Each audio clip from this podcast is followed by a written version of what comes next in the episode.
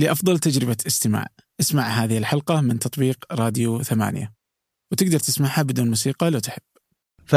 فيعني أذكر في وصولي الأول لإحدى الدول آه، طلبت من من مرة تشتغل بمحل آه، خمس قبلات بدل لا أطلب منها خمس عملات.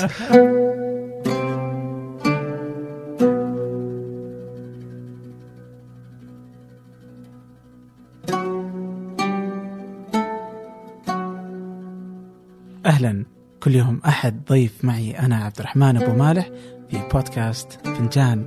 سنأخذ من كل مذاق رشفة عن الثقافة والفن والتقنية والمستقبل. مذاق فيه الكثير من القصص والتساؤلات والتجارب الغريبة. لا معايير ولا مواضيع محددة لكن الأكيد الأكيد هنا الكثير من المتعة والفائدة. هذه الحلقة هي الحلقة رقم 83 لبودكاست فنجان. قبل أن نبدأ أود منكم مشاركة الحلقة مع من تعتقدوا أنها ستهمه ولا تنسوا بأن النشر والتقييم لبودكاست فنجان على آيتونز يوسع من دائرة المستمعين له. وإن كانت لديكم أي اقتراحات لضيوف آخرين لأفكار مختلفة لأشكال جديدة لناس لا نعرفهم. راسلونا على tips دوت كوم حيث أقرأ جميع الرسائل شخصيا. وأما الآن لنبدأ.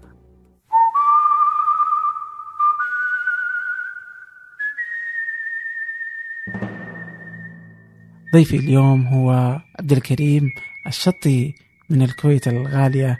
عبد الكريم الرحالة كتب كتابين عن رحلاته الكثير من الأفكار والكثير من الرحلات والتجارب الحج على الطريقة المسيحية الناس التشرد وسفراته التي لا تتوقف. لكن لحظة الآن هو بس يسافر ولا يشتغل ويسافر؟ منين يجيب فلوس إذا على كذا؟ أنا مريت في مرحلتين من حياتي. آه، من أول حياتي وأنا حريص على حياتي المهنية وهذا شيء الناس تستغربه أنا قانوني في قطاع الشركات يسمونه بالإنجليزي corporate lawyer آه، وعندي ماجستير قانون قانون شركات دولية من مدريد ومن نورث ويسترن شيكاغو في أمريكا. وحريص على حياتي المهنية. فاللي أنا أسويه كنت في الماضي كنت أشتغل في مكاتب محاماة دولية. وكان في متسع من الإجازات لأن في إجازات قضائية توصل إلى شهرين أو ثلاثة أحيانا فكنت أستغلها في السفر. بعد ذلك لما انخرطت في الشركات أصبحت أستغل إجازاتي أو أستغل أحيانا الانتقال من شركة إلى أخرى إني أنا أخذ لي الفكرة اللي يتبعونها الالمان يسمونها الجابير. فالفترة اللي بنتقل من شركة إلى شركة أخذ لي أخذ لي فيها تقريبا فراغ سبع إلى سبع شهور إلى سنة أحيانا وأقضيها أغلبها سفر. فيصير عندي مخزون جيد من الأسفار وبعدين أرجع أركز على حياتي العملية بشكل طبيعي. وعادة تنتقل من شركة لشركة؟ آه لا لا يعني أظل في يعني كمتوسط في الشركات أظل أربع إلى خمس سنوات أحيانا اي في فبعد ما أطلع آخذ لي سنة أسافر فيها اش واشبع رغباتي كلها وبعدين أرجع إلى وظيفتي بشكل كموظف جالس على مكتبي بشكل عادي ومؤدب آه جدا. أوكي. آه. آه يعني أنت إبراهيم برضه إبراهيم سرحان آه زي كذا اللي الناس تستغرب اللي من وين يعني أنت تشتغل أنت شنو تسوي يعني بس هي مجرد إدارة آه إدارة الإجازات إدارة, إدارة الإجازات بشكل جيد تأخذها مع العطل تأخذها مع بعض الأشياء وأنا أستغل الفترة الانتقالية هذه أقول لك فمثلا أسافر بسنة واحدة ما ما يوازي خمس سنوات للأمام يعني. okay okay. طيب الحين شنو سالفة السفر الاقتصادي؟ السفر الاقتصادي يعني ما هي مسألة ترف مثل أو أو تجربة مغايرة مثل ما الناس كانت تعتقد. السفر الاقتصادي كان بالنسبة حق شخص مثلي ضرورة في في مرحلة من مراحل حياتي. أنت لا يمكن تجلس في بلد هدفك إنك تستكشفه بعمق ومحتاج شهرين، لا يمكن تقضي شهرين بفندق. لا يمكن تقضي شهرين تصرف آه، تأكل في مطاعم راقية وغالية آه، لا يمكن لا يمكن أشياء كثيرة لأن إذا ظليت على هالحال معناته راح تسافر دولة واحدة وراح ترجع ميزانيتك منتهية ويمكن حتى ما تكفيك حق حق دولة واحدة. ف... فاهل السفر عندهم تقسيمات في السفر اللي يسمونه المتوسط آه، اللي تكون ميزانيتك تقريبا 100 دولار في اليوم يعني يعني قريب ال 30 دينار أو ال 350 ريال في اليوم. وبعد ذلك آه، في ال- في المتوسط في ما فوق المتوسط اللي هو 200 دولار وبعدين في اللي يبدي للسفر الراقي 300 دولار. تحت تحت المتوسط كذلك في في أقسام. في في السفر الاقتصادي اللي إحنا نسميه 50 دولار باليوم يعني ما يقارب 15 دينار أو 150 ريال أو 200 ريال في اليوم. وفي عندك توصل إلى 10 دولار في اليوم. هذا هذا أنت تتكلم الحين آه، هذا نسميه سفر التشرد. هذا اللي اللي أنت تب- تبي تصرف أقل ما يمكن. آه، آه، فتصرف 10 دولار باليوم يعني ما يوازي ثلاثة كويتي أو سكن. 40 دولار. okay، 40 كل شيء. ريال. كل شيء. آه. كل شيء. فإذا أنت تبي تقضي وقت طويل وتبي تروح أكثر من دولة ما عندك الخيار هذا إني أنا أوصل إلى سفر المتوسط إني أصرف لي 100 دولار في اليوم. لأن احسب 100 دولار ب 60 يوم آه هذا غير تذاكر الطيران. راح راح تلقى نفسك في في ورطة مالية صحيح. ف... فأنت مكره إنك تلجأ إلى السفر الاقتصادي أو أحيانا السفر التشردي علشان توصل حق ال... عشان تطول أطول فترة مم- ممكنة. والمفارقة في الموضوع إن السفر الاقتصادي والسفر التشردي آه، يعطيك مجال للاحتكاك بشكل أعمق مع المجتمعات لأنك أنت ما راح تسكن في فنادق ولا راح تروح الأماكن الراقية فراح تبدي آه، تتعرف على الناس وتحاول تشوف طريقة تسكن في بيوتهم مجانا. راح تبدي آه، تضطر إنك تروح الأماكن الشعبية فتضطر تستخدم اللغة بشكل أكثر راح تضطر إنك آه، تقضي اليوم في الحواري والسكك مع الناس بتشوف حياتهم الطبيعية علشان ما تصرف أكثر فبشكل مدهش آه، تكتشف إن السفر الاقتصادي والتشردي قاعد يدفعك إلى عمق المجتمع وإلى عمق البلد اللي أنت زايره بطريقة غير مخطط لها وغ- وغير مدروسة. ف فلما أنا قررت في فترة من الفترات ان سفري يكون اقتصادي تفاجأت انه إن صحيح أنا حرمت من من الكثير من وسائل الراحة وخرجت من منطقة الراحة اللي أنا عايش فيها لكن فتحت علي أبواب خير أخرى كنت أجهلها وما كنت أعرف إنها موجودة. الحين آه، السفر الاقتصادي لما تقول حرمت وكذا يظهر إنه مو ممتع أنت أحيانا اذا في هدف معين ببالك. أه، أم، أنت تقدم التضحيات وأنت سعيد. أه، في في البداية ما يكون ممتع. أجسادنا مو متعودة على على هالنوم الخشنة ولا على هالأكل القليل ولا على ولا على هالبيئة الغير مكيفة ولا على هالأشياء. لكن أه، الجسد أه، جسدك في النهاية أنت كائن طيني. أنت اللي تشكل الجسد وأنت اللي تخليه ينحت بشكل أه، بالشكل اللي أنت تشوفه. فأنت في النهاية راح تنحت يومك بظروف قاسية. راح تجد بعد فترة أسبوعين أو ثلاثة أنها ابدا ما هي قاسية وأن مئات آلاف ملايين من البشر عايشينها بشكل يومي. أنت اللي كنت مترفع أنك تعيشها وكنت متوقع أنك ما تتحملها. لكن لما لما كسرت الحاجز راح تجد إنها طبيعية جدا وهل أنت تعلمت ال- الإسبانية من خلال هالتجارب ولا تعلمتها؟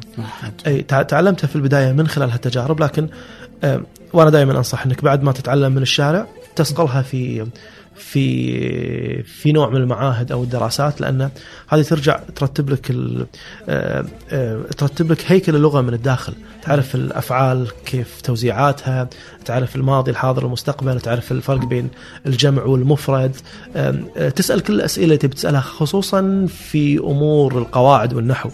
هذه هذه ما ما تؤخذ من الشارع.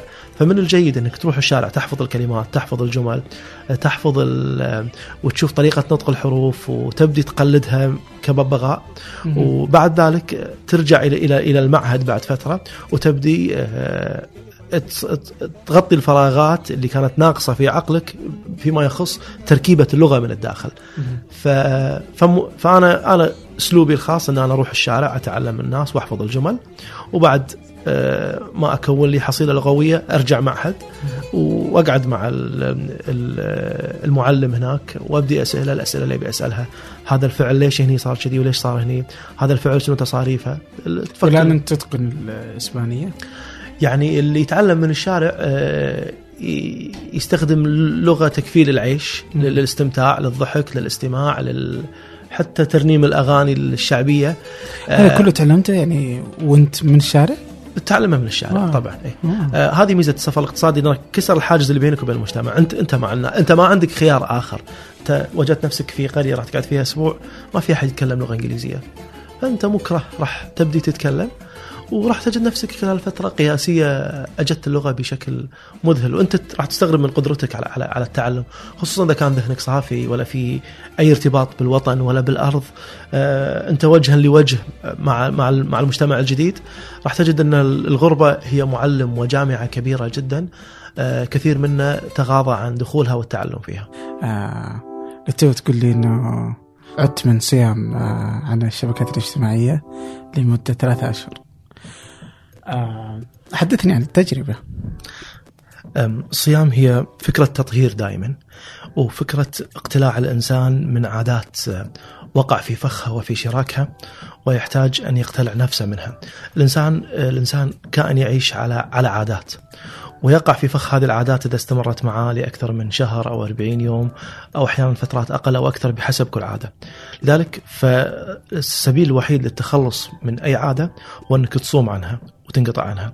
أنا لاحظت أن وسائل التواصل الاجتماعي في الفترة الأخيرة بدأت تشكل هاجس آه، لي في كل لحظة وكل دقيقة.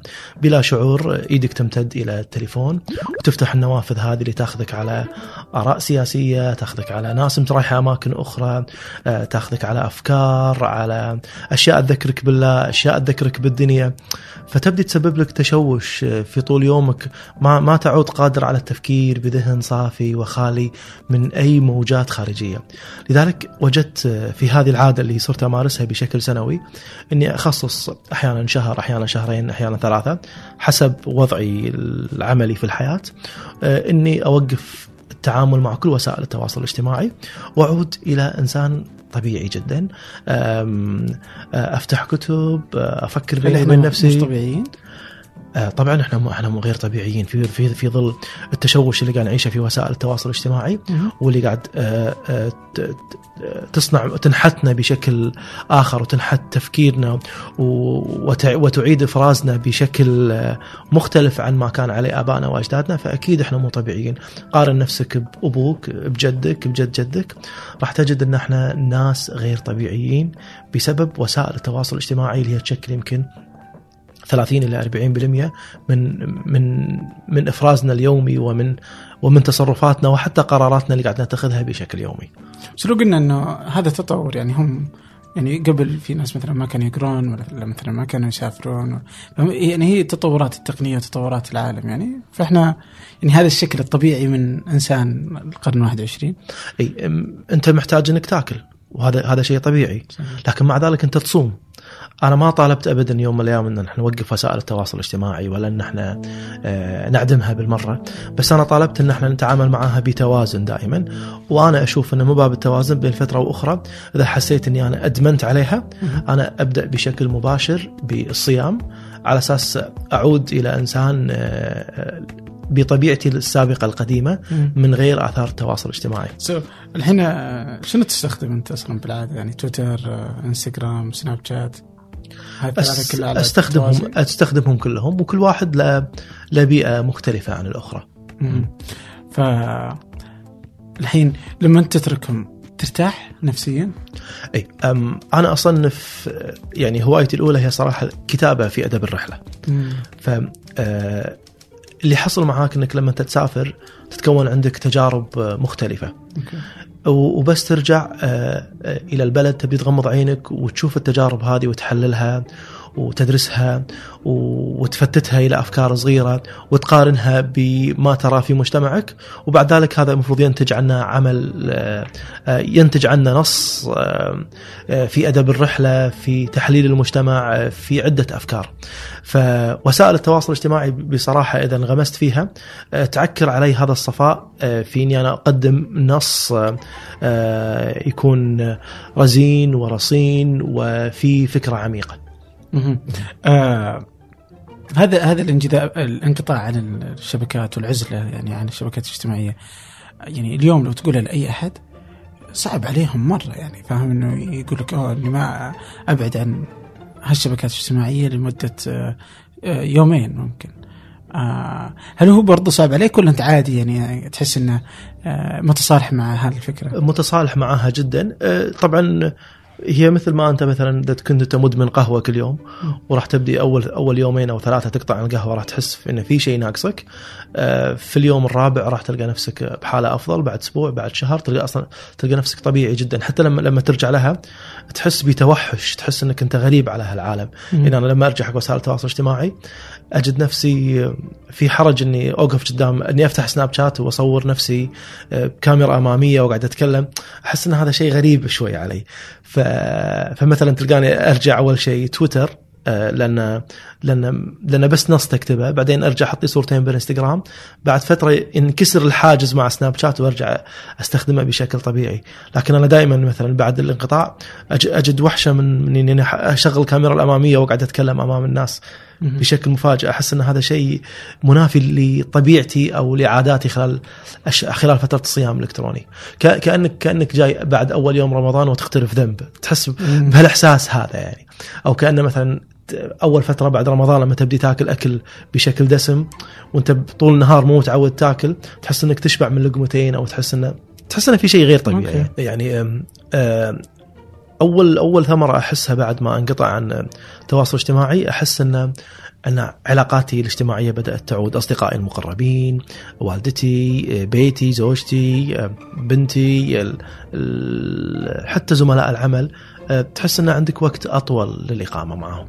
ما عاد صارت تفوتك الطيارة طيب.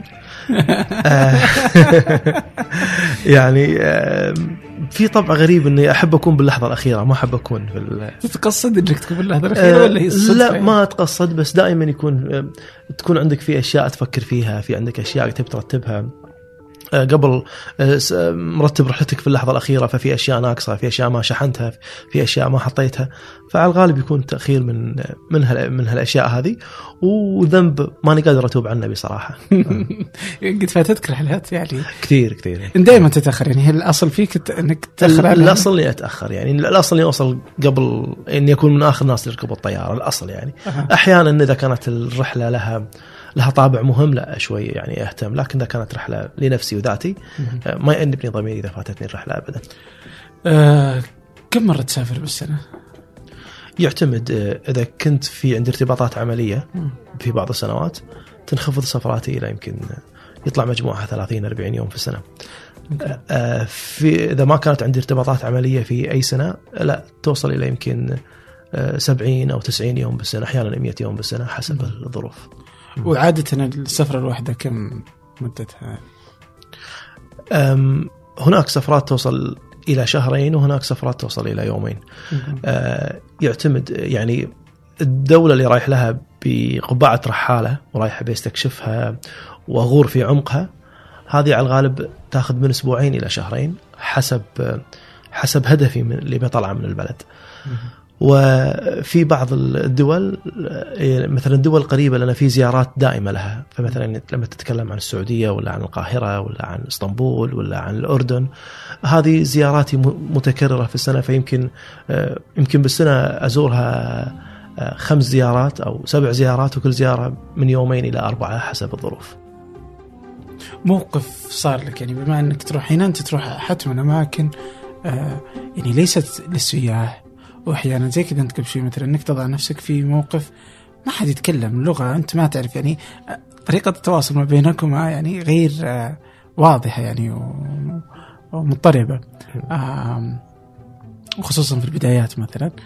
الآن في حصل موقف مثلا كذا اللي تتذكره؟ آه، أو إيش اسوء موقف حصل لك يعني؟ إحنا العرب عندنا مشكلة في أو أو لغ أو في تركيبة لغتنا العربية إحنا عندنا حرف الباء فقط. م. بينما في كثير من اللغات عندهم درجتين من الباء الباء الباء والبي. م. وهذه غالبا ما تسبب مشكلة آه، عند عندنا يعني لما تشوف العربي يتعلم أي لغة آه، من أول شيء آه، تعرف إنه هو عربي لما يتكلم لما تشوفه ما يفرق بين الباء والبي.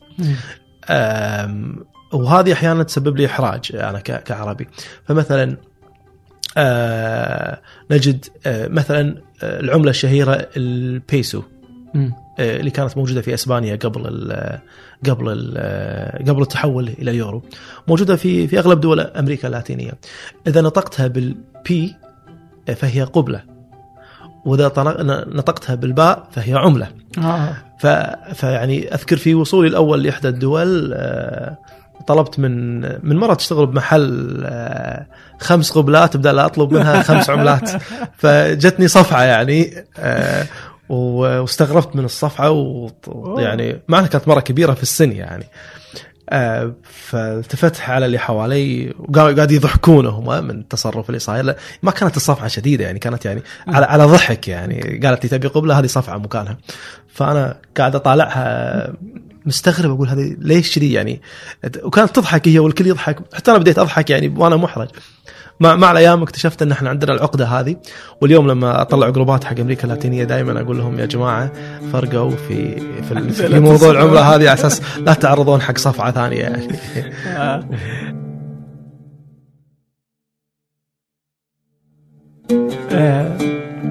ال- ال- الحقائب عندك؟ آه، مع سفراتك كنت تسمي لها أسماء؟ شو السالفة ذي؟ جديدة. ال- العلاقة مع الحقائب آه، علاقة رومانسية.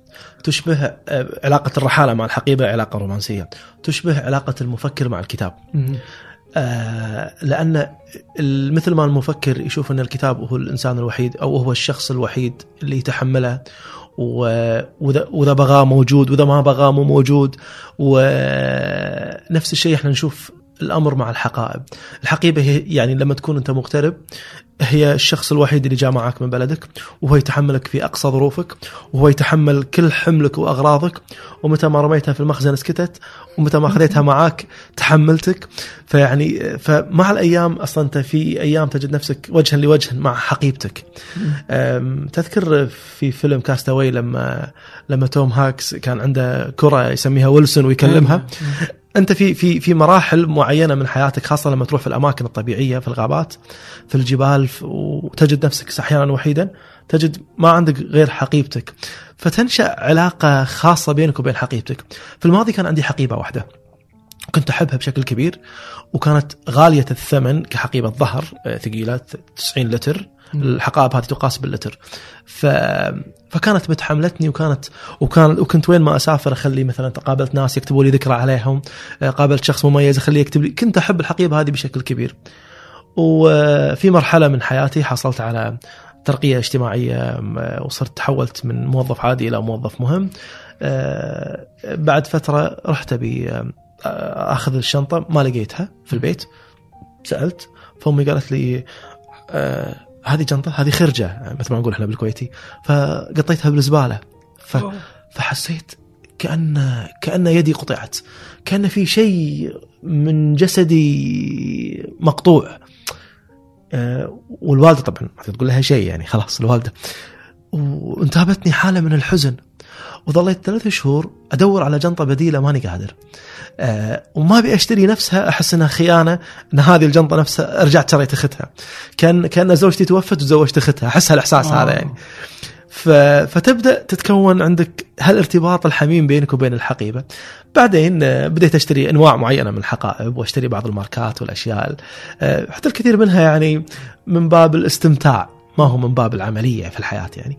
ومثل ما كانت آه، جنطتي هذه لها لها يعني لها ارتباط بديت يعني أحس إن كل حقيبة من حقائبي الأربعة الموجودة كل واحدة لها تخصص وفي ارتباط بيني وبينها لكن يظل الوفاء للمرحومة يعني مختلف جدا. آه، الحب الا للحبيب الأول. الحبيب الأول. آه، إيش كان اسمها طيب؟ آه كان اسمها غرناطة. غرناطة. آه. لأني اشتريتها من جبل طارق. و- ورحت فيها غرناطة. آه وسميتها غرناطة. وظليت متعلق بغرناطة هذه فترة طويلة يعني. فلا وبعد ذلك آه، راحت. توفاها الله. توفاها الله على يد الوالده الله يهديها. آه طيب آه كيف آه في سفراتك آه يعني اليوم مثلا لديك الكتابين كيف كيف تجربة التدوين والكتابة؟ تدون وانت مسافر ولا لما تعود باللي أنا أسويه في الماضي كنت أدون آه، يومياتي على شكل رؤوس أقلام. وكنت أحرص على أني يعني أستنبط الأفكار الأساسية أكثر من الحوادث اليومية وكنت أخليها عندي في مذكرات صغيرة أحملها معي. آه غالبا النص النص يتكون معاك وأنت في طريق العودة. فكل ما كانت الرحلة أطول في العوده أنا أكون أسعد لأني آه بالعودة أشوف الأفكار كاملة ولا زلت أنا آه، يعني طالع من التجربة طازج ساخن الأحداث والصور آه، حاضرة في ذهني مشاعري أحاسيسي آه، لا زالت في حركة ثوران وهيجان فيكون هو أفضل وقت إني أنا أكتب النص. فغالبا ما أكتب نص وأنا راجع. لكن يظل نص آه، عبارة عن جنين غير مكتمل النمو. وبعدين بس أرجع أبدي أشوف الأفكار الأساسية أقرأ الأشياء المرتبطة فيها التاريخ التواريخ الأرقام بعض الحوادث بعض أسماء المناطق ما تكون دقيقة آه، خاصة لما تكون ماخذ الأسماء من من الناس آه، تكتشف إن لهم لفظ معين لما تكتبها بالعربي تطلع غير الاسم المكتوب على على أوجه الخرائط. ف فتبدي ترجع وتقرر آه، إذا كان هذا المشروع يصلح للكتابه ولا لا. بعد ذلك أجلس لي فترة أكتب النص وبعد ما يطلع اقيمه هل يصلح انه يكون هذا جزء من كتاب ولا هذا لازم يروح إلى إلى مجلة أو هذا لازم يعدم؟ آه، 70% يروح إلى إلى إلى الإعدام. آه، 10% يروح للمجلات. 20% أعتقد إنه يصلح انه يكون نص حق كتاب أدب رحلة مستقبلي.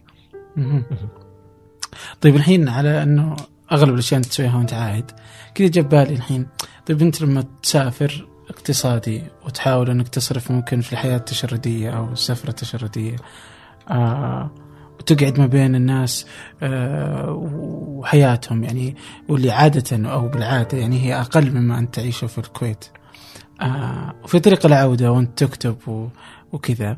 طيب لما أنت تعود هنا كيف تكون آه، تحس فرق التكاليف؟ يعني بينما انه أنت كنت تدفع 10 10 مثلا يمكن دينار أو ثلاثة دنانير مثلا اليوم بعدين ترجع هنا إنه هذه ما تجيب لك كوب قهوة يعني هذه بسيطة فهل آه، تفرق معك ولا خلاص على طول ترجع إلى حياتك الطبيعية كما كنت قبل تروح؟ أم أم أذكر مرة أخوي إبراهيم السرحان بعث لي دراسة إن في في نسبة قليلة من البشر عندهم في جينهم تركيب جيني يميل إلى إلى الترحال وإلى التحرك وإلى التنقل من أماكن ويحسون بالملل والضجر من الوجود في حيز ضيق في كثير من الأحيان. فما أعرف إذا أنا كنت مصاب بهذا الجين أو لا لكن أم، سعادتي وأنا في حالة تسكع أو حالة تشرد آه، أحيانا تكون أكثر من وجودي في حالة راحة لأن هني آه، الراحة بعد 24 ساعة بعد ما أخذت أخذت الشاور الساخن وسووا لك مكبوس دي اي و- وعدت لح- ونمت على فراشك الوثير وغرفتك المكيفة وسيارتك ال- الفارهة خلاص بعد 24 ساعة تحس إنه أنا هذا هذا شيء طبيعي عايشه طول حياتي ما ما في شيء إضافي. وتحس إن ال... صحيح أنك هناك ضحيت بأشياء فيها وسائل راحة كثيرة لكن لبيت نداء داخلي موجود في داخلك آه كان يخليك تحس بنوع من السعادة. يشعرك بالوعي للنعم التي تعيشها؟ طبعا طبعا اي أصلا تبدأ تحس إن آه، أول شيء ترجع تحس إن إن أنا عايش حياة بذخ إني أنا عايش حياة مترفة أكثر مما يجب وإن أنا قاعد وإن وإن أنا في وضع يعني راح يكون صعب أمام رب العالمين إني أفسر له كل هالرفاهية اللي أنا فيها. آه، ووضع محرج مع رب العالمين. شلون راح أشكره على كل هالنعم هذه؟ الأكل وفره ما لها نهاية النوم آه، مريح وتقدر تنام كثر ما تبي التنقل من مكان لمكان جدا سهل. آه، يعني هذه هذه النعم الظاهرة اللي رب العالمين معطيك إياها وأنت عارف إن هذه خدعة واختبار في نهاية الأمر. ويشوفك راح تشكره عليها ولا لا تحس أنت عاجز عن شكرها نهائي بينما هناك حياتك البسيطة تحس انه يعني الشكر يمكن يكون أسهل لأن الأمور أقل بكثير. فأنت تقدر يعني تشكر رب العالمين بركعتين وب... وبشعور. بالامتنان الداخلي حق رب العالمين وذكر رب العالمين أما انت أنت ما انت هني في. في الكويت وفي الخليج تحس أن هذا البذخ يعني من الصعب إذا رب العالمين بكرة حاسبني على كل فلس وعلى كل دقيقة وعلى كل كل وسائل الترف والبذخ اللي أنا فيها ما أعرف صراحة كيف راح أجاوبه. آه. طيب آه أنت لك تجارب مختلفة في السفر يعني حقيقة يعني آه في عن ال... وأنت تتحدث كذا عن التنقل وأنك تحب تتنقل كثيرا آه تذكرت في كتابك الأول تحدثت عن الغجر آه وزرت مناطقهم يعني وهم يعني آه، أتذكر أني تحدثت قريبا يعني إنه الغجر موجودين في كل مكان تقريبا يعني آه موجودين في العرب في سوريا تقريبا آه في أماكن ثانية ما أدري. موجودة في موجودين في مصر في مصر في المغرب آه تقريبا في فارس في العراق آه وفي شرق أوروبا كثيرا. في شرق أوروبا التمركز الأكبر. التمركز الأكبر. آه تحسهم مظلومين في هذه الأرض يعني؟ آه، المشكلة إحنا نحاول نحاسبهم على معاييرنا إحنا. إحنا نشوف إن الحياة بالنسبة لنا آه، تبدأ بالدراسة تبدأ مثلا إن آه، أهلي موفري لي بيئة متكاملة آه، لي غرفتي لي خصوصيتي بعد ذلك لازم أنا أدرس بعد ذلك لازم أنا أشتغل وبعد ذلك لازم أنا أعيش في نمط معين. محسوب. أي إنسان راح يخرج على هالنمط هذا راح نعتقد إنه هو إنسان متخلف إنه هو إنسان على الأقل مختلف. ف فلما جت البشرية وكلها عاشت في هالنمطية هذه اليوم اليوم البشرية من شمالها إلى جنوبها إلى شرقها إلى غربها عايشة في هالنمطية هذه والكل يشوف إن هذه هي الطريقة الوحيدة للحياة. ف... فلما نشوف إن في مجتمع كامل في ملايين من البشر عندهم نظرة أخرى آه ونبدي نعتقد إن هم متخلفين وال... والناس المحايدين يشوفون إنهم مختلفين. فنبدي نحاسبهم على على على على ضوء الشيء هذا بينما هم في النهاية مرتاحين بعيشتهم عايشين في تلاحم أسري وفي وفي طريقة وفي طريقة جني مال آه، بشكل هم يرونه ومرتاحين على هالعيشة. إحنا اللي مو قادرين نتقبلهم بالشكل اللي هم فيه. والعالم من تحول من تحول إلى إلى نظام قانوني متكامل بين الحدود. ما يصير تعبر من بلد إلى آخر ما يصير تتحرك من مكان إلى آخر. واجهوا الكثير من التغييرات في فكرهم وفي حياتهم. وهم الآن في طريقهم إلى أنهم يتحولون إلى إلى النمط اللي إحنا نعيشه. على على مدى جيلين أو ثلاثة راح يتحولون أغلبهم إلى إلى إلى بشر متمدنين أو نمطيين بالشكل اللي إحنا نعيشه في شرق وغرب الأرض. اشرح لي عنهم طيب أكثر حياتهم زين آه، أشرح لك عن نظرتي آه، للبشر لأن هي المقدمة في إني أنا نقدر إحنا نفهم آه، ونتفهم حياة الغجر. إحنا دائما أنا أو, أنا في الماضي كنت أعتقد إن البشر هم هم صنيعة التاريخ والدين والعادات والأشياء هذه كلها هي المكونات الأساسية في تكوين أي خلطة بشرية أمر عليها وأنا ماشي في الأرض. بعد ذلك بدأت أميل إلى وجهة نظر الألمان أكثر أه، في إن الجغرافيا هي الأساس في تكوين البشر. المحاضر الجغرافية اللي يعيشون فيها البشر هي اللي تخليهم يتصرفون بنمط معين. بعد ذلك تأتي التوابل والبهارات الأخرى اللي اللي تضيف على الخلط على الأساس على المحضن الجغرافي. فمثلا الناس اللي عاشوا في محضن جغرافي بحري. آه، لهم طبايع معينة. آه، الناس اللي عاشوا في محضن جغرافي صحراوي أو جبلي أو بارد جدا أو ساخن جدا آه، هذا له له أثر على تكوين الحياة البشرية. أينما كانوا يعني أين أينما كانوا راح تلقى أن أن أن أهل أن الجبل فرض على أهل الجبل ان يتصرفون بشكل معين يجنون رزقهم بشكل معين يتعاملون مع الطبيعة بشكل معين و و و وين ما تروح في التاريخ راح تلقى اثر أثر الجغرافيا لو ترجع حق حياة النبي صلى الله عليه وسلم النبي صلى الله عليه وسلم حس فرق كبير بين بين بين حياته في مكة وحياته في- المدينة. ليش؟ لأن أهل أهل مكة عايشين في منطقة جبلية آه، وفي وادي آه، تلتهب فيه الشمس آه، والجغرافيا شكلته بشكل أو بآخر فأثر على نفسيات الب- البشر بشكل أو بآخر بينما أهل أهل المدينة عاشوا مع الزرع ومع الأرض ومع البذرة ومع ومع التمرة ومع النخلة فتشكلت حياتهم بشكل آخر وأصبح حتى طريقتهم في الحصول على الرزق في التعامل بينهم وبين بعض تكون عندهم الشيء هذا. فالبشر وين ما راحوا والجغرافيا هي تشكلهم. تجد أهل الصحراء وجدوا نفسهم في مواجهة بيئة جدا قاحلة وجافة وصعبة فما وجدوا سبيل لمقاومتها إلا بالكرم الجماعي. فحطوا قواعد الكرم الجماعي بدوا يشبون النار وينادون الضيف من بعيد ويفتخرون بهذا الشيء. آه، الجغرافيا نفسها أعطتهم بيئة صافية. فأصبحوا فأصبحت فأصبحت آه، أصبحت سجيتهم الشعرية والموسيقية جدا عالية. فراحوا آه، موضوع الكرم اللي فرضت عليهم الجغرافيا آه، حولوه إلى إلى إلى سجع شعري وإلى قصائد شعرية. فصار الإنسان بعد ذلك ما يعمل الكرم بس من أجل مواجهة الصحراء بل عشان يحظى بهذا ال- البيت الشعري وهذه القصيدة وهذا الشاعر يمدحني وهذا الشاعر يقول فيه. فتأصل الكرم في أهل الصحراء بشكل كبير. تجي اليوم الكويت وأعطيك مثال صغير الكويت بلد صغير. آه، الكويت مقسمة إلى أهل بحر وأهل صحراء. روح معي إلى مناطق أهل الصحراء في في الكويت. مع أنهم تمدنوا وتحضروا وما عادوا أهل صحراء ما عادوا أهل بادية ولا أهل جمال ولا أهل آه، تربية ماشية. تجد عندهم كرم أضعاف أهل البحر. والسبب جغرافيا الصحراء كانت تفرض عليهم هذا الشيء لآلاف السنين. ف... ف... فالجغرافيا هي دائما اللي تشكل ال... الانسان طبائع البشر وبعد ذلك يأتي الدين يضيف، بعد ذلك تاتي يأتي الأدب يضيف، بعد ذلك تأتي الحروب السياسية، يأتون بعض الشخصيات المؤثرين، تتكون بعض الأنظمة السياسية، التكتلات، ال- غيرها من الأشياء اللي تبدي تشكل الحياة البشرية. والجغرافيا يعني للأسف تفصلنا عن بعض.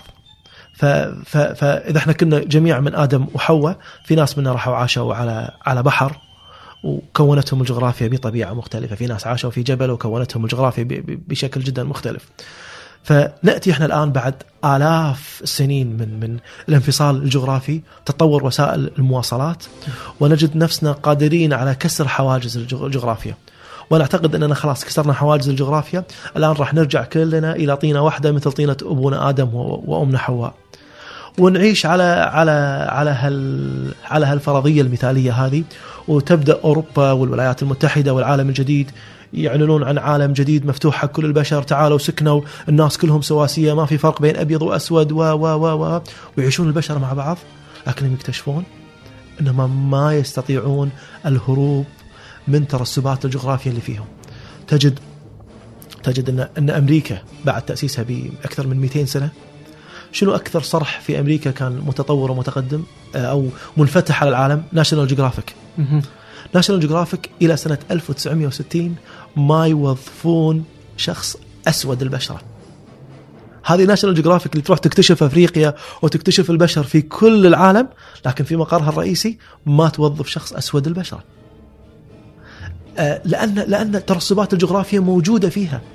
فحتى لما فتحنا العالم الجديد واعتقدنا أن إحنا انتهينا من من الفواصل البشرية ومن ومن اللي سوتها فينا الجغرافيا نكتشف أن الجغرافيا تستيقظ وانها كانت وحش نائم داخلنا وتستيقظ. تروح أمريكا اللاتينية تجد في المكسيك أن الناس بعد 500 سنة من ما أنهوا مما انهى بعد ما أنهى المستعمر الأبيض حضارات الأستك والمايا تجد هناك اليوم رغبة شديدة عند أحفاد الأستك والمايا اللي 40 و50% من دمهم أسباني.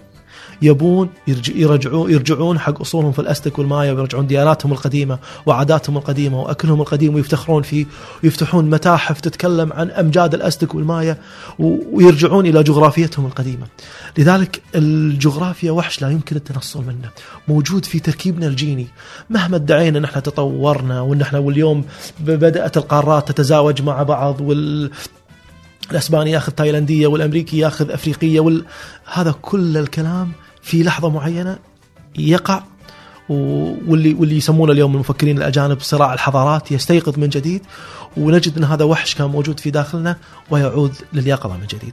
فهذه قناعتي في آه، في التكونات البشرية والأعراق البشرية الموجودة، إن الجغرافيا في النهاية دائما تنتصر مهما حاولنا نتجاهلها وان نحط بعض القوانين ونحط بعض الأنظمة اللي تحاول تهزم الجغرافيا ومهما تطورت التكنولوجيا وسائل التواصل وسائل المواصلات وكسرت الحواجز بيننا كبشر تعود الجغرافيا بشكل أو بآخر. لذلك الغجر كانت حالة عاد عودا إلى سؤالك عن الغجر. الغجر كانت حالة من البداية. كسرت حاجز الجغرافيا رغما عنها مو باختيارها الغجر لما آه، لما صار تزاوج ما بين مملكة فارس ومملكة الهند. مملكة فارس كانت آه، ملك فارس تشكى من ملك الهند إلى أن أن طبيعة طبيعة أهل فارس طبيعة متجهمة جدا. وناس ما يعرفون يستمتعون. بينما في الهند أنتم عندكم ألوان وأغاني وأشعار وطرب ومتعة وفرح. فأنا أبيك تبعث لي مجموعة من الناس اللي عندك اللي مسؤولين عن عن إشاعة الفرح في المجتمع عشان يجيبهم فارس ويعلمون الناس شلون يرقصون شلون يغنون كيف يستمتعون بأيامهم ولحظاتهم. فبعث معاه قبيلة كاملة من شمال الهند كانت معنية ب عارف الصورة النمطية القديمة حق الهند ترقيص الأفاعي والنوم على ال- ال- المسامير والأعاجيب اللي يسوونها الهنود والرقصات وال- والحركات البهلوانية. فبعث مجموعة لملك فارس والمجموعة هذه بدأت تحاول أنها تشيع الفرح ما بين الناس. آه، المجموعة هذه كانت أصلا متعودة أنها تطلع فلوسها من من من استعراضات الشوارع اللي هي تعملها. فلما وصلت حق ملك فارس ملك فارس أعطاهم بذور وقال لهم روحوا زرعوا وهذه أراضي خصبة زرعوها وأكلوا من خيرها وروحوا قدموا الفرح للناس. أنا ما راح أعطيكم رواتب. فأخذوا البذور من أول يوم طحنوها وكلوها. هم مو أهل زراعة. ف و- وبدأوا يستعرضون مرة أخرى في الشوارع والناس و... وطبيعة فارس المتجهمة ما تقبلت مثل هال... هال... هالتصرفات اللي يشوفونها كأنها كأنها صبيانية أو كأنها استخفاف بالطبيعة البشرية أو كأنها إقلال من احترام الجسد البشري رقصات غريبة عليهم و... و... ويعيشون مع حيوانات ومع دببة ومع أفاعي و... فما تقبلوا هالوضع هذا وبمجرد موت الملك نفوهم وهؤلاء لأنهم ما كانوا يفهمون في في الطرق ال- البرية أرادوا أن يرجعون إلى شمال الهند ما استطاعوا وضاعوا من جبال أفغانستان دخلوا على أوروبا الشرقية وتاهوا في الأرض آه. وعاشوا حياة التيه هذه لأكثر من 3000 سنة آه.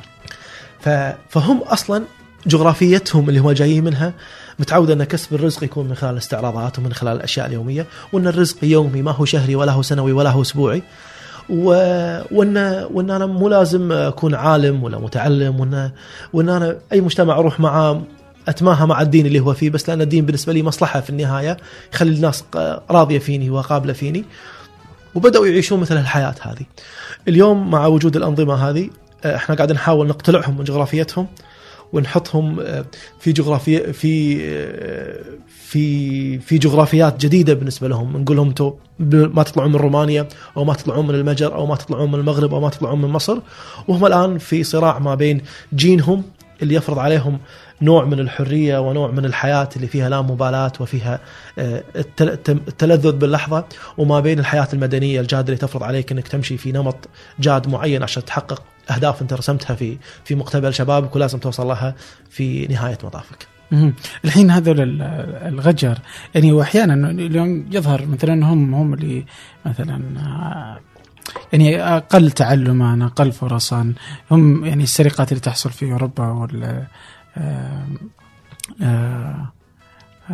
اللي تصير آه، وطريقه حياتهم مثلا تفرض يعني إنه يظهرون أمامنا بشكل سيء.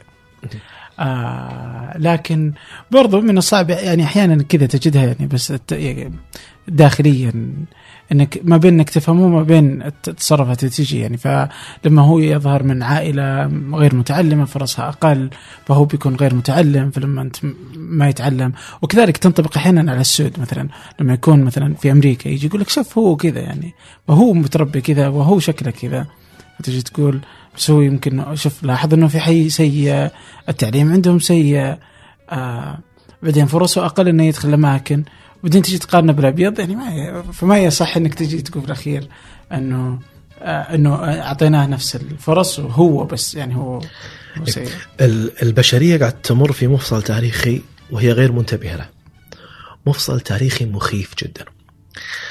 آه وهو مفصل الانتقال من المدنية من من الريف إلى المدن. إحنا قبل 100 سنة من اليوم كانوا 20% من سكان الأرض يعيشون في المدن و80% يعيشون على الأرياف. وأهل الأرياف غالبا يكون موردهم الطبيعة. رعي الماشية، الزراعة، الصيد، ال- الأشياء اللي معتمدة على المصادر الطبيعية الموجودة عندهم. بينما أهل المدن يعيشون أكثر على التبادل التجاري وعلى الصناعات وعلى تقديم الخدمات. آه، وهذا يجعل أهل المدن أكثر تمحورا على المال آه، بينما أهل الأرياف أكثر تمحورا على الطبيعة. آه، فلما كنا من قبل 100 سنة 20% منا بس بالمدن 80% منا في الأرياف آه، كانوا الأرياف هم اللي يمدون المدن بالمقومات الحياة وبينما أهل المدن يتعاملون بالتجارة ويطلعون أرباحهم من من مقومات الحياة اللي يأخذونها من أهل الأرياف. لكن المسألة بدأت تتغير بشكل سريع جدا. في الخمسينات آه، وصلنا إلى مرحلة في خمسينات القرن الماضي وصلنا إلى مرحلة أن 40% في المدن 60% في الأرياف. آه، في في التسعينات وصلنا إلى مرحلة 50 50 اليوم إحنا وصلنا إلى مرحلة عكسية أن تقريبا 30% من البشر يعيشون في الأرياف و70% يعيشون في المدن. ونتوقع أن في غضون 2050 توصل نسبة ان 90% من البشر يعيشون في المدن و10 فقط يعيشون في الأرياف. وهذا تغير ديموغرافي ما شهدت الكرة الأرضية منذ خليقة أبونا آدم إلى اليوم. آه. وهذا له تغير كبير في السلوكيات. خصوصا إنه متسارع وسريع جدا لأن هذا يمشي على على قانون إحنا نسميه قانون مور اللي هو مال آه، هذا قانون ينطبق على على على التسارع التكنولوجي والتسارع في التزايد ال- ال- السكاني والبشري. فوتيرة التغيير دائما تكون أسرع من سابقتها. فإحنا الآن التغير قاعد يصير أسرع واكثف من الماضي. ف وهذا التغير يعني آه، له آثار ضخمة على على سلوكنا كبشر. أهل أهل الأرياف يتعاملون على أساس التراحم والعلاقات ما بينهم تراحمية.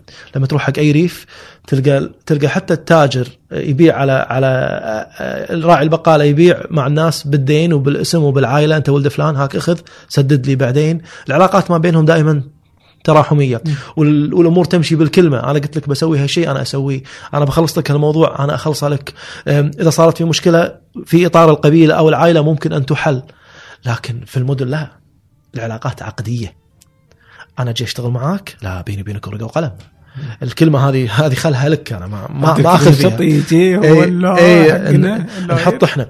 وأنا أقول إيش الأرقام اللي بيني وبينك وكم تدفع لي ومتى تدفع لي وإذا تأخرت راح أزيد عليك واذا كل شيء يقوم على علاقات عقدية جافة. بينما هناك علاقات تراحمية تقوم على أساس الدم، على أساس الشرف، على أساس الكلمة، على أساس الضمير، على أساسيات مختلفة جدا. آه، آه، في المدن يبدأ يتقلص آه، آه، الضمير الديني بشكل واضح. آه، لما تروح المدن راح تلقى دائما سنتر المدينة وقلب المدينة هو مركزها المالي، مركزها التجاري، آه، بينما لما تروح القرى راح تلقى دائما بالنص في معبد، في كنيسة، في مسجد، في في في رمز ديني، وراح تلقى حتى اللي اللي إيمانه ضعيف إيه، راح يروح الكنيسة يوم الأحد وراح يروح المسجد يوم الجمعة. آه، لأن هذا لأن لأن حتى هو على ضعف إيمانه يرى أن هذا على الأقل جزء من عاد من عاداته الاجتماعية، أما في المدينة الناس ما تهتم، يمكن يمر أمام المسجد وقت صلاة الجمعة وما يدخل، مو سائل في الناس. ف فهذا التغير مخيف جدا اللي قادم. إذا وصلنا مرحلة إلى إن إحنا عبارة عن 90% مدنيين مم. و10% بالمية نتربى في الطبيعة فاحنا راح نتحول إلى وحوش ضاريه وراح تكون العلاقات ما بيننا جدا مخيفة والإنسان المدني في النهاية إنسان مستقل متمحور على ذاته. ترى حتى يستنكف إنه يتزوج أو إنه ينجب في كثير من الأحيان لأنه يحس إنه يبي يستمتع بحياته لآخر لحظة. إيه، وإن فلوسه هذه أنا تعبت فيها فما بي ما بي يمكن آه، أصرفها على بيت ولا على أولاد ولا على غيره ولا على غيره ولا على أي شيء آخر. بينما ابن الطبيعة يرى ان هاي الفلوس جت من الطبيعة وإن وإن من الطبيعي إنه يصرفها على على الطبيعة. مثل ما يشوف إن الكل قاعد يتكاثر حواليه من البقر والدجاج وال وكل الكائنات الموجودة حواليه والزرع والضرع. فيجد نفسه أنه هو جزء من هذه المنظومة الطبيعية. ابن المدينة ما يشوف نفسه جزء من المنظومة الطبيعية. يجد أنه هو محور الكون وانه هو محور الحياة وانه وأنه هو مسؤول عن متعته وملذاته وفقط فهذه مرحلة مخيفة. إيه الرأسمالية تمكنت آه، في أبشع صورها يعني. آه، بس على قبل شيء رمز المدينة تذكرت آه، أنت كنت تقول رمز المدينة اللي هو مثلا تلقى معبد أو مسجد أو كنيسة أو غيره. آه آه تأدية حج مسيحي شلون أصلا؟ يعني أول مرة أسمع فيها حتى. أنت رحت سويت حج إيه، زرت الفكرة. هو هو ما هو حج مثل مثل حجنا الإسلامي. أوكي. هو عبارة عن طريق آه، تمشي لعدة أيام. إلى أن توصل إلى إلى إلى إلى مدينة فيها كنيسة ضخمة يعتقدون أن فيها رفات آه، أحد الحواريين حواريين اللي كانوا مع سيدنا عيسى. وهذا الطريق آه، اللي يسمونه بالأسباني الكامينو انشهر كثير و... وكتب عنه بابلو آه، كويلو كتاب رواية آه، سماها الكامينو وبعد ذلك طلعت أفلام فانشهر بشكل كبير في آخر عشر سنوات. لكن أنا حبيت لما سمعت انه في حج مسيحي كنت بشوف كيف حجهم، هل هو مثل حجنا ولا مختلف ولا غير؟ وش الأهداف اللي يوصلون منها وليش يحجون؟ لما رحت لقيت إنه هو بالنسبة لهم هو عبارة عن استرجاع حق مفهوم الرحالة القديم. من من من الأشياء ال- ال- اللي أنا أفرق فيها ما بين الرحالة والسائح. الرحالة جزء أساسي من رحلته هو الطريق. فالرحالة يهم أن أنا أنا أني عشان أوصل حق المكان أني آخذ الطريق الطويل اللي يوصلني له لأن هذا الطريق هو التمهيد والمقدمة اللي يوصلك حق المدينة اللي هي المتن أو النص الأساسي بالنسبة لك. بينما السايح لا أنا ودني حق المدينة على طول ما أبي آخذ الطريق هذا ما ما أبي أمشي. آه، ف فاكتشفت انه بالنسبة لهم آه، ال- الحج بالنسبة لهم هو الطريق. فهو يمشي مدة أربع خمسة أيام أسبوع آه، يعني تبدي من من يومين إلى 42 يوم حسب حسب رغبتك أنت وحسب النقطة اللي تنطلق منها وحسب وسيلة المواصلات اللي تستخدمها. فهو بالنسبة لهم طريق. أغلب اللي ما أقول أغلب نص اللي كانوا بالطريق شفتهم أنا ما كانوا مؤمنين بالمسيحية ولا مؤمنين إنهم رايحين حق رمز ديني أصلا. بس الطريق هذا لعدة أيام آه، يمشي مفيد لروحه ولنفسه وتصفية أفكاره وم- ومفيد لصحته كذلك. وتجربة استثنائية بيغير نمط القالب المدني اللي هو متقوقع فيه ومسجون فيه حاب إنه يطلع منه ويجرب شيء يكون أغل أكثر مع الطبيعة وبعيد عن الناس. وصار هذا الطريق مؤهل لأنه كان طريق حج قديم. فصارت القرى اللي على الطريق مؤهلة لاستقبال الناس. فأنت بس توصل أي قرية من القرى كل بيت حاط لك غرفتين يستضيفك فيهم ياخذ منك مبلغ صغير ويعطيك إفطار وتكمل طريقك. فصار المكان ممهد آمن ونظيف. وكل وكل القرى اللي على الطريق مستعدة لاستقبال الناس فأصبح المكان هو أشبه برحلة أكثر ما هو حج. آه، حتى لما أنا وصلت الكنيسة هناك و... يعني اكتشفت إن في كثير من اللي وصلوا المدينة بعد مشي 42 يوم ما راحوا الكنيسة أصلا ولا شافوها ولا ولا هو مهتم يروح, لها. فهو ما هو حج بمفهومنا الديني آه، الإسلامي اللي فيه آه، في في في شعائر واضحة ومنصوص عليها، لا هم بالنسبة لهم طريق يؤدي إلى تصفية روحهم ويخليهم يع- يعيدون التفكير في الموضوع بشكل أو بآخر، حتى لما تقرأ رواية باولو كويلو أو تشوف الفيلم راح تحس إنه في الكثير من من الأساطير اليونانية مدخلينها في في طريق الحج والكثير من من القصص والحوارات ما بين الشيطان والإنسان وغيرها واللي هي ما تمت للحقيقة بصلة لكن مجرد محاولة لشعرنة هذا الطريق وتحويله إلى إلى تجربة إنسانية ثرية. مم. 42 يوم اللي الطريق ال- ال- الأساسي هو إنك تطلع من منطقة في فرنسا مم. إلى إلى إلى إلى توصل إلى اخر إلى إلى غرب إلى غرب إسبانيا 42 يوم. مم. هذا هو الطريق الأساسي. مشيتم كان لا لا لا أنا أخذت أسبوع آه، أوكي ما أخذته كامل أخذت أسبوع بس من باب ابي أشوف التجربة لكن الطريق 42 يوم ممهد وفيه الكثير من الإشارات وأنت ماشي بالطريق حاطين لك إشارة إن هذا الطريق تمشي عليه وناس قاعد تمشي عليه بشكل كثير؟ يومي يعني أنت باليوم تشوف لك ما بين 15 إلى 30 شخص وأنت ماشي بالطريق. في في مراحل. كل ما قربت أكثر تشوف ناس أكثر. في ناس الحين قاعد ياخذونه على على دراجه اللي يطلع من مدريد إلى إلى إلى إلى كومبستيلا المنطقة اللي فيها الكنيسة. آه، الطريق هذا تقدر تأخذه بالدراجة الهوائية. مم. ممهد بينما اللي بياخذ الطريق من الجهة الشمالية من جهة فرنسا راح ياخذه مشي أكثر لأنه آه، لأنه يصلح للمشي أكثر مما هو. شلون تنامون؟ شلون ال- القرى نفسها يعني ما تقريبا أنت عندك كل ما بين 10 إلى 15 كيلو في قرية. مم. والقرى آه، في بيوت معلقة معلقة شعار الصدفه اللي هو شعار الطريق هذا. آه، معلقة شعار الصدف. فأي بيت معلق الصدفه تعرف إن هذا يستقبل ضيوف والتسعيرة واحدة تقريبا. آه، طق باب البيت وتقول لهم أنا عندكم غرفة فاضية؟ يقول لك تفضل. تروح يعطونك غرفة تنام في ناس يفضل انه ياخذ خيمته معه.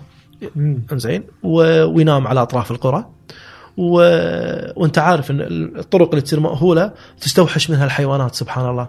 فأي مثلا لو تروح إلى أي منطقة كانت عايشة فيها حيوانات وصار فيها فيها مستعمرة بشرية الحيوانات تبتعد ما, ما بين 20 إلى 30 كيلو عن المستعمرة البشرية هذه ب... ب... بشيء غريب يعني. هذا الإنسان مشكلة. إيه. طيب آه تكريم آه تغار من الرحالة العرب آه، زمان أو آه مو بالضرورة عرب بس الرحالة زمان كانوا مثلا لما يروح عنده روح ال- إيش يسمونها؟ آه وهو يستكشف كل ما يمر أمامه آه، هذه عرفت اللحظة الأولى اليوم الدهشة الأولى إيه،. الدهشة الأولى. ما عاد صرت تندهش أنت لما تروح وين؟ تروح فرنسا؟ أعرف وش في فرنسا. لما أروح الآن حتى لو بروح الحج مثلا المسيحي بشوف إيش فكرته. عندي تصور. آه، عبد الكريم تحدث عنه وكتب عنه. شفت صور شفت, شفت صور شفت كتاب. آه، أقدر أبحث عن كل شيء قبل أسافر. فالدهشة راحت. بينما أول أتخيل واحد من الجزيرة العربية يروح مصر. بعدين يروح آه، مثلا آه، من مصر يطلع أوروبا بعدين يروح أمريكا. تخيل كذا عام 1800 مثلا 90 ولا 1900 مثلا. وأطلع من جزيرة العرب اللي ما فيها ولا شيء خيام يعني ولا شيء ولا شيء ولا أي شكل من أشكال التحضر. بعدين أروح إلى آه، أطلع من وسط الجزيرة العربية وأروح مثلا تخيل إلى إني أصل إلى أمريكا وألقى مبنى مثلا ال Empire State Building مثلا القاه مبني يعني ناطحة سحاب. آه فيعني لاحظ ال- الصدمة الثقافية اللي أنا أشوفها الدهشة اللي أنا جالس أتفرجها أو إني أطلع وأروح ألقى في مصر مثلا الحضارة اللي عاشوها. يعني وانقطاعي عن العالم لما أرجع وأحكي أنت ترجع الحين إيش تحكينا يعني؟ فاهم؟ فتغار من هذه الفكرة الرحالة العرب آه أدب الرحلة العربي فعلا يعني عنصر الدهشة الدهشة الأولى هذا أصبح مفقود. لكن تعوضنا عنه بعناصر أخرى أه، اللي هو قدرتنا على التعمق أكثر. يعني أنا اليوم لما أوصل حق أه، مثلا أه، المكسيك وأنا قرأت عن عن عن الاستك الاستك اللي كانوا في مكسيكو سيتي اللي هي العاصمة الحالية اليوم. ف فأنا قرأت وشفت صور وماخذ فكرة كاملة جدا. فأنا لما أروح صحيح إني أنا حرمت من الدهشة الأولى لكن أنا عوضت عنها في قدرتي إني أنا أقدر أخوض في المجتمع بشكل أعمق لأن أنا عندي فكرة عنه. فأقدر أسأل أقدر أشوف أقدر أشوف بعض التصرفات وأربطها بتاريخهم القديم آه، أقدر أخذ فكرة أعمق. هذا الشيء كان مفقود. يعني لما تشوف مثلا آه، مثل ماركو بولو لما طلع من من البندقية بال 1400 تقريبا ميلادي آه، يعني تقريبا بالقرن الثامن هجري آه، كان هذا أول تقريبا أول شخص يخترق آه، بلاد فارس ويوصل إلى الصين. وراح آه، وطبعا آه، استضافوه المغول فترة طويلة آه، في حدود أوزبكستان. وبعدين كمل إلى الصين وعاش سافر أعتقد 23 أو 24 سنة إذا مو أكثر. طلع شاب يمكن عمره 16 أو 17 سنة ورجع عمره فوق ال 40 فحتى لما رجع كان يواجه مشكلة في تحدث الإيطالية لأنه صار له قريب ال 23 ولا 25 سنة ما تكلم إيطالي. أوه فيعني آه، فلما ولما رجع انسجن ما رجع بطل. يشوفونه من هذا المشرد اللي جاينا. أوه. آم، و- وبالسجن هناك املى كتابه على على على صديق. وبعد بعد وفاته انشهر الكتاب. بالنسبة حق أهل فينيسيا أهل البندقية أهل البندقيه كانت في هالوقت أغنى منطق أغلى أغنى حضارة موجودة في الع... في ما بين أوروبا و... وأفريقيا و... و... ويورو آسيا. لأنهم كانوا كانوا متحالفين آه، الب- البنادقة مع السلطة العثمانية. فكانوا تقريبا هم الناقل الرسمي حق البضائع التجارية حق السلطة العثمانية. فكل شيء يروح إسطنبول يروحون البنادقة يأخذونه. ينزلونه إلى البندقية وعندهم قواربهم السريعة اللي تنقل إلى بريطانيا وشواطئ إسبانيا وحتى شواطئ آه، المغرب وتتنقل إلى البضائع إلى كل مكان. فكانوا يجنون مبالغ طائلة فكانت ال- البندقية تقريبا أفخم مكان يعني يمكن يمكن أن يعاش فيه في في أوروبا كلها. وكان تعداد آه، البندقية والمناطق كان- كانوا البندقية يعني يحكمون المناطق اللي حواليهم من إيطاليا قبل لا تكون في دولة اسمها إيطاليا. كان تعدادهم من 120 ألف نسمه فقط. فلما رجع ماركو بولو وكتب كتابه وبدأوا يقرون عن الصين يشوفون إنه مثلا يتكلم عن سور مسافته ملايين الأذرع. يتكلم عن مدينة فيها مليونين نسمة يتكلم عن مزارع شاي تنتج ملايين الكيلوات من من, من الشاي. كل شيء بالمليون بالمليون بالمليون. فراحوا سموا كتابة المليوني الكتاب المليوني بالنسبة لهم. لأنه يتكلم عن أرقام مهولة. بالنسبة لهم يعني انه مستحيل انه في مكان بالعالم في في هالأرقام هذه. ف كان مدهش بالنسبة حق أهل البندقية.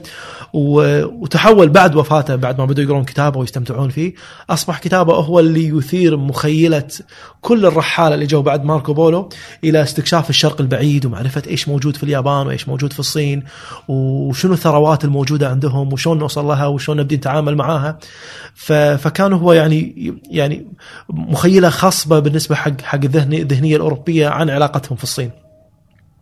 وكان يعطيهم الشعور هذا بالدهشة. صحيح الكتاب فيه كثير من المبالغات لكن بشكل عام يعني كانت دهشة ماركو بولو هذه يعني شيء لا يمكن ان يكرر الآن في عصرنا الحالي. إذا رحت أي مكان انت قبل ما تروح أصلا يمكن عندك تفاصيل كاملة عن الفكرة العامة وحتى عن الشيء اللي بتشوفه أنت أصلا شايفه 3 دي يمكن قبل لا توصل له.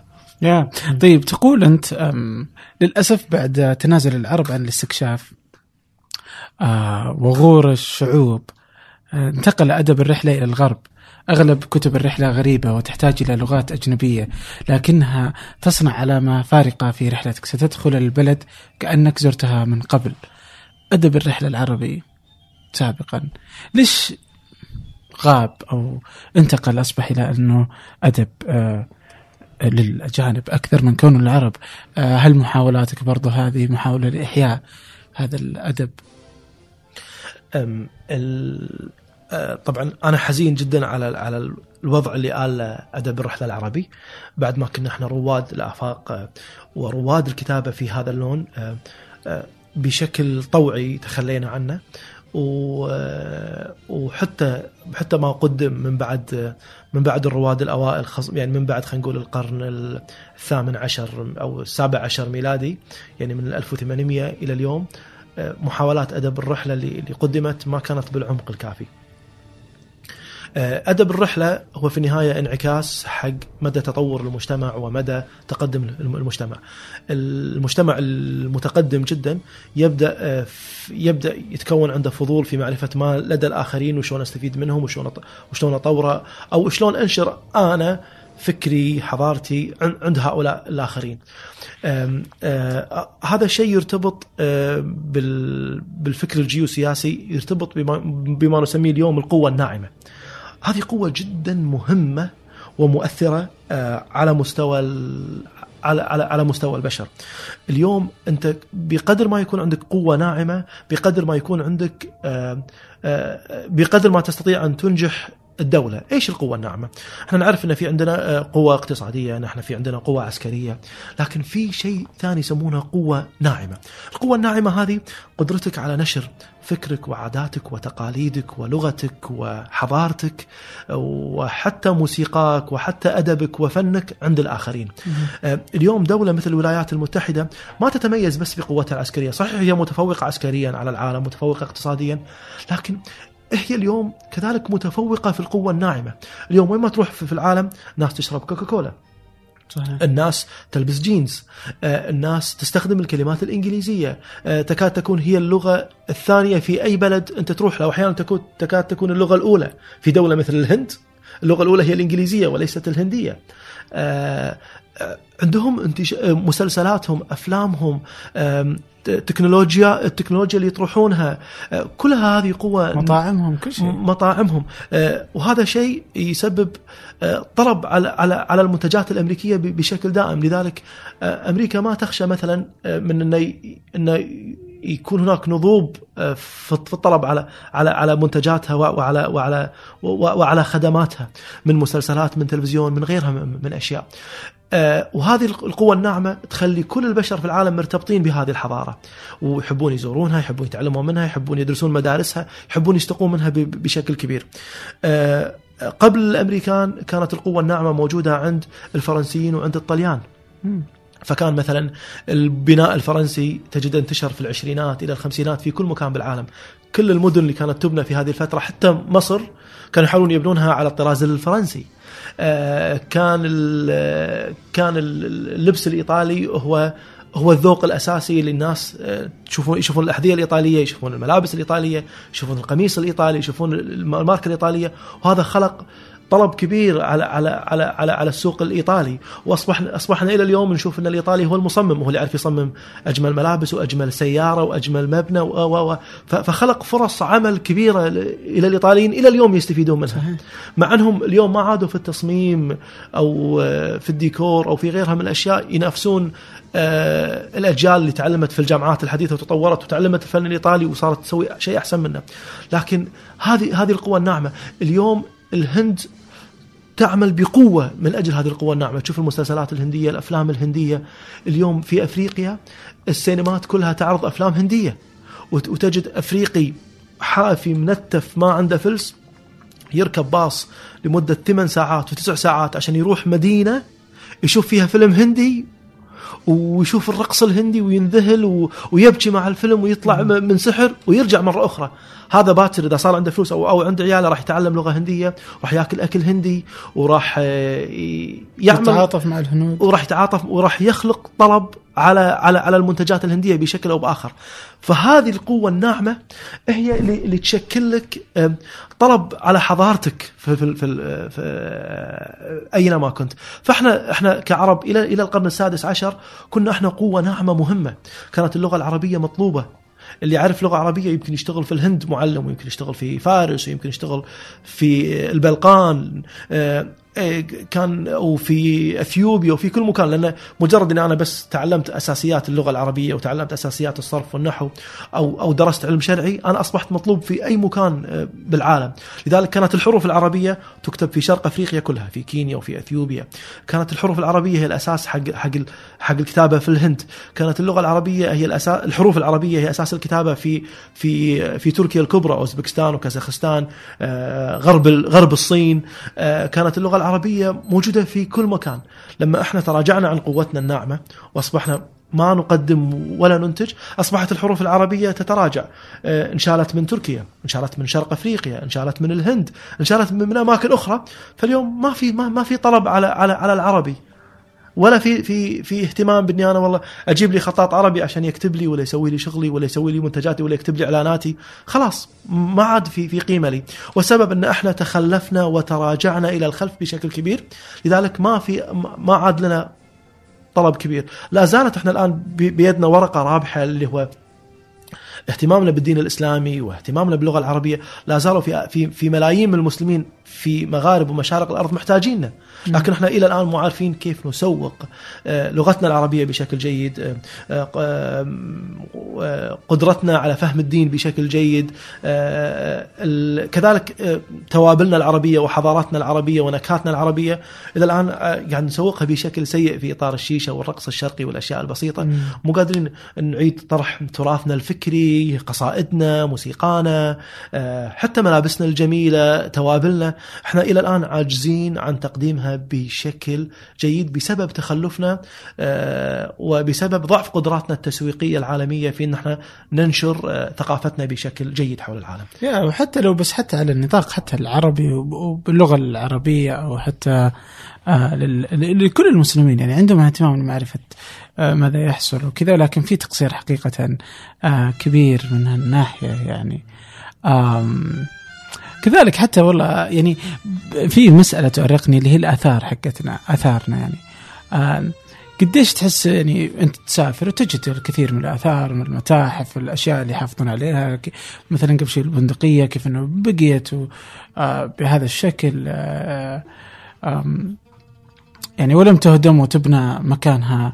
ناطحات السحاب وكذا لا انما إنه إيش؟ يعرفون قيمتها إنها في آه، إنها كل ما كل ما طال آه، أو طال عمرها كل ما زادت قيمتها. بينما إنه إحنا عندنا العكس كل ما صار حديثا كل ما صار أعلى قيمة. يعني وبدينا نهدم الأشياء يعني مثلا لما يحكون عن أشياء مثلا مثلا الحين هنا بالكويت يعني آه، تلقى يعني المتاحف مو بكثيره الآثار يعني بدأت تزال. عندنا في السعودية نفس الشيء. آم، كيف كيف تشوف الفرق الفارق ما بين الآثار وحفاظنا عليها في العرب وفي الخارج؟ الآن أنا وياك نتكلم من الدور الثامن آه، في نصف الكويت. آه، آه، آه، إحنا الآن في منطقة يسمونها شرق في- بالكويت. الفندق اللي إحنا قاعدين فيه والاطلال اللي قاعد نشوفها قدامنا الآن آه، هذه كانت آه، هذه كانت مراتع جدي وأجدادي كلهم من 300 سنة. كانت كانوا ساكنين ببيوت طينية موجودة بهالمنطقة هذه كلها. اليوم آه، في الخمسينات مع طفرة البترول آه، تساءلوا الموجودين وقتها في البلديات وفي الأماكن ال- الأساسية. قالوا إحنا ليش قاعدين ببيوت طين وهذا؟ خلونا نهدم الكويت القديمة كلها ونجتثها من جذورها نقتلعها ونبني شيء ما يمثلنا بصلة. أصلا مو إحنا اللي بانينا. إحنا اللي إحنا اللي إحنا اللي, عايشينها اليوم ال ال آه، بالخليج ككل. آه، يسمونها هذه Brooklyn suburbs ليش يسمونها Brooklyn suburbs هذه ضواحي بروكلين اللي ضواحي مم. نيويورك. آه، هذه ضواحي بنتها شركات آه، تجمع شركات تقودها شركات السيارات الأمريكية. مجموعة من الشركات شركات المقاولات شركات البترول شركات السيارات متجمعة مع بعض. هي اللي بنت الضواحي هذه. فراحت سوت ضواحي بشكل إنك ما تقدر تعيش فيها إلا بسيارات وبنتها على على نمط فلل. منفصلة آه، آه، وشوارع واسعة وتضطر أنت عشان تعيش بهالمدن تشتري سيارات وتخلق طلب على سوق السيارات ال- ال- الأمريكية. نفس الشيء حصل معاكم في الرياض. آه، في الرياض لما لما جو يعمرون الرياض في سنة بالأربعينات جابوا شركة استشارية قالوا لهم تعالوا نبي نبيكم آه، تشيلون تجتثون الرياض القديمة وتبنون مكانها رياض جديدة. فالشركة هذه حتى لما جت ما كان عندها مكاتب، جابت طيارة.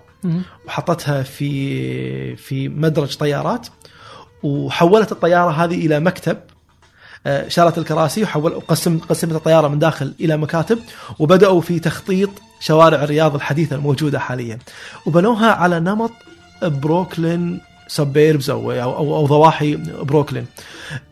فجابوا فكر أمريكي نهائي ما له علاقة ببيئتنا الصحراوية، ما له علاقة ببيوتنا الطينية، ما له علاقة بأحيائنا وطريقه نمط تعايشنا مع بعض، وكيف إن بيوتنا كانت تضمن تكافلنا وتضمن تزاورنا وتضمن آه، لقائنا مع بعض، لا لا بنوها على شكل مربعات مقسمة بشكل تجاري.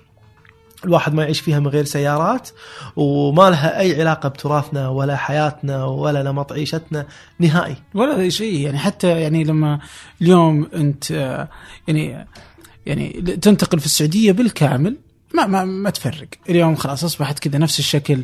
يعني مثلا تلقى إنه مثلا أول كان الوسطى عندهم طريقة بناء مختلف أهل الجنوب عندهم طريقة بناء مختلف أهل جدة ولهم ثقافة وبناء مختلف.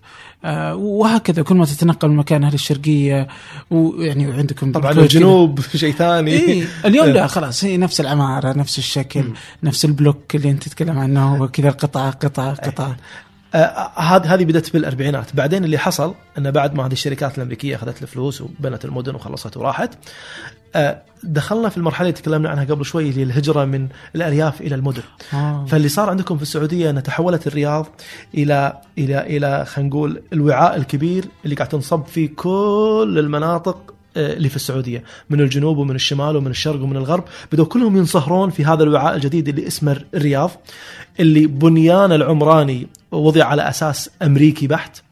آه، وبدت وبدت هذه وبدت الرياض تأثر على الثقافات الموجودة في كل المنطقة عمرانيا حتى باللهجة والكلام. آه، إذا سمعت لهجة أحد من من من من كبار السن في الجنوب وسمعت لهجة حفيدة اليوم راح تحس إن لهجة حفيدة أقرب إلى الرياض. نفس الشيء في الحجاز ونفس الشيء في حايل ونفس الشيء في كل مكان. اليوم الرياض هي الوعاء اللي قاعد تنصب فيه كل الثقافات اللي في السعودية وبعد ذلك تنتشر مرة أخرى إلى المناطق وتأثر عليها وتخلي كل المناطق تقترب أكثر من ثقافة الرياض، لذلك الدور المهم اللي اللي بدأت تقوم فيه السعودية الآن في محاولة الحفاظ على الهويات في في المناطق المختلفة. وإن جاء متاخرا فالحمد لله انه جاء، اليوم قاعد يهتمون خلي الجنوب يحتفظ بطابعه العمراني بعاداته بتقاليده بموسيقاه بتراثه بشكل أو بآخر، نفس الشيء في الحجاز نفس الشيء في حايل، هذه هذا التحرك اللي قاعد يصير مؤخرا في السعودية تحرك محمود جدا و... و... وضروري جدا للحفاظ على على ما تبقى من من هوياتنا قبل ما تأتي المدنية وتحولنا إلى إلى إلى سنافر متشابهين في إيه، في, في ويا ليتنا فعلا يا إيه. ليت إحنا اللي بنيناها يعني أحيانا.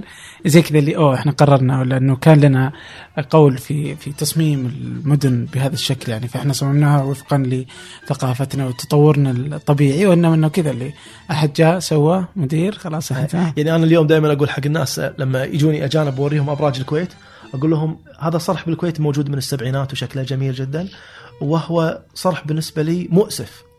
لأن لأن هذا الصرح صم صممه مصمم من دولة اسكندنافية.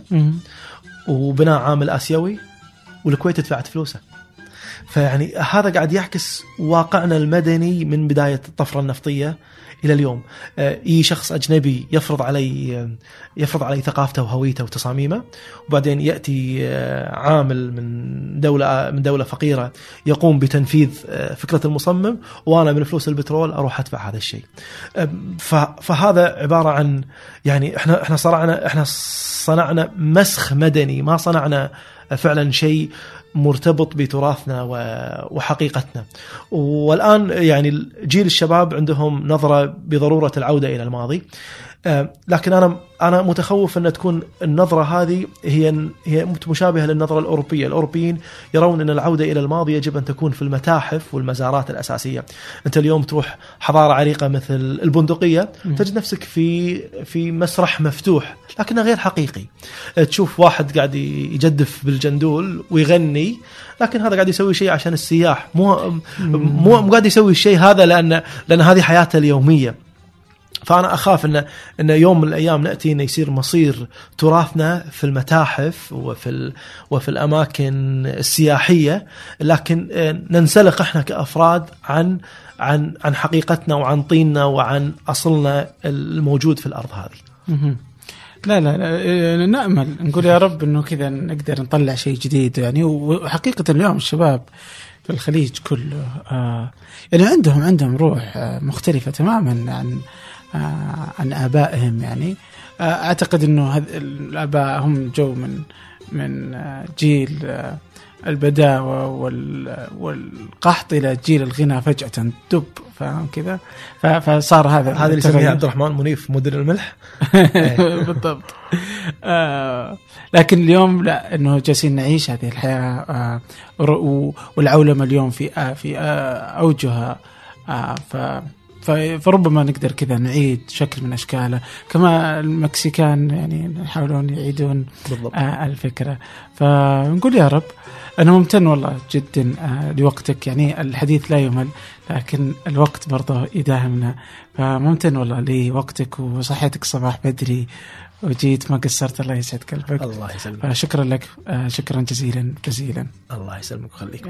آه، كلمة أخيرة بس أنه آه، الرحلة ليست ترف. آم، الرحلة حاجة ماسة وجامعة كبيرة الإنسان لازم يستفيد منها.